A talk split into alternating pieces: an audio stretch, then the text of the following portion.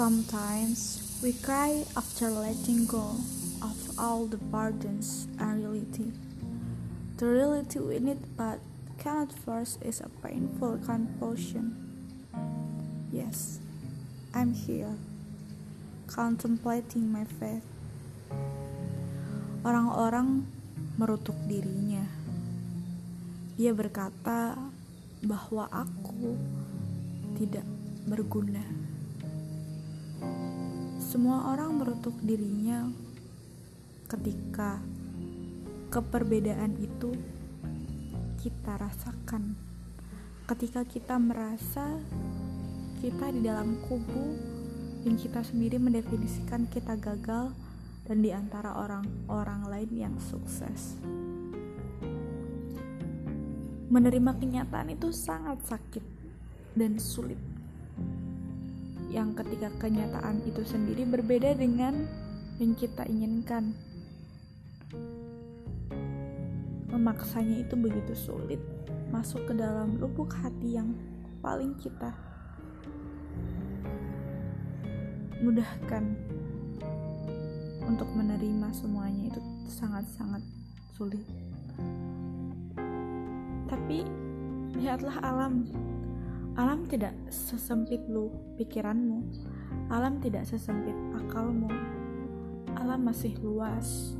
Alam masih menawarkan berbagai keajaiban. Alam masih menawarkan berbagai anugerah. Alam masih menawarkan berbagai kebaikan-kebaikan yang sesungguhnya bisa kita rasa. Aku tahu mungkin podcast ini tidak mudah didengar dengan orang yang sudah-sudah benar-benar down sekali. Tapi mungkin podcast ini adalah bentuk uh, rasa rasa syukur aku. Rasa aku bisa mengelola ketika aku bisa bersyukur di atas kehimpitan yang ada. Ketika kita ada di diri di mana kita uh, merasa bisa melihat semua hal-hal yang buruk itu membuat kita merutuki diri padahal kita masih belum masih tidak ada di posisi itu. Dan aku sekarang merasakannya. Aku sekarang masih kelas 2 SMA satu tahun lagi aku menerima apa yang orang-orang pusingkan. Satu tahun lagi aku menerima apa yang orang-orang khawatirkan tentang masa depan mereka. Memikirkan tentang senam PTN apakah aku lolos? Apakah aku berguna ke depannya nanti apakah aku menjadi orang yang seperti benar-benar seperti yang aku impikan? Atau aku hanya akan menjadi oh ya menjadi buangan atau sampah-sampah yang ya berkeliaran bersama angin? Tapi aku ingat kembali. Tuhan menciptakan kita dengan berbagai tugasnya tidak semudah itu untuk menjadi sampah tapi diri kita yang selalu merasa diri kita itu sampah. Itu benar. Mungkin inilah yang dinamakan dengan namanya manusia suka berjalan dengan perasaannya. Mereka memutuskan hal-hal dari perasaan mereka sendiri. Dan memang banyak sekali yang bisa dikatakan bahwa definisi kesuksesan itu tidak hanya dari satu hal. Definisi kesuksesan itu bukan ketika kamu dapat pengakuan kamu telah lolos PTN ya meskipun mungkin realitinya dia sudah berprestasi. Tapi definisi kesuksesan ya sebenarnya adalah ketika kamu berguna bermanfaat untuk yang lain. Itu sudah cukup dari mendapatkan pengakuan. Kamu dengan itu menjadi membantu sebuah keseimbangan yang ada di alam kamu bisa menjadi relawan, kamu bisa belajar banyak hal dari selain ya beasiswa tersebut. Terkadang aku kayak merasa sudah apa ya? Sudah merasakan kegagalan itu sendiri padahal aku tidak ada di posisi itu sendiri. Aku kayak udah merasakan auranya. Paham gak sih? pikiran aku ke mana-mana sesuai dengan apa yang aku omongin ke mana-mana. Tapi ini bagus banget bisa jadi media buat aku curhat. Ya meskipun sebenarnya ini tuh nggak kurang bagus juga untuk uh, jadi makanan publik. Maksudnya jadi ya konsumsi konsumsi untuk yang dimakan untuk hayalak hayalak gitu. Tapi aku rasa ini sehat buat aku. Jadi aku bebas aja buat bercerita ya salah satunya itu yang ingin aku ceritakan. Kita terlalu kadang terlalu masuk kepada jurang atau uh, mata kita terlalu fokus pada satu hal.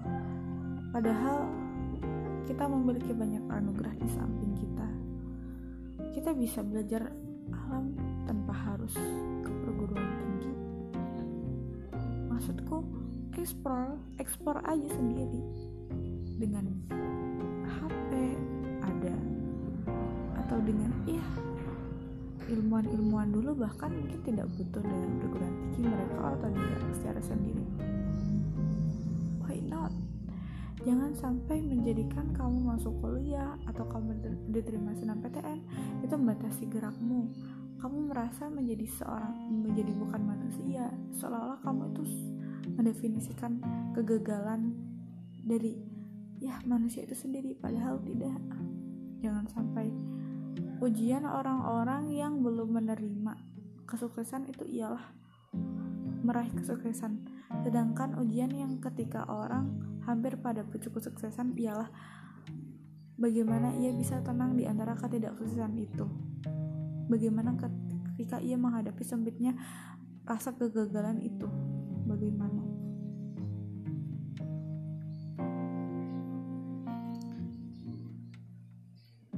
masih banyak yang bisa dilalui. Nay di antara kamu merasa bermanfaat coba belajar di sendi-sendi setiap sendi-sendi yang bisa kamu manfaatkan belajar atau mungkin di luar hal-hal yang ada di lingkungan kamu belajarlah coba untuk bereksplor.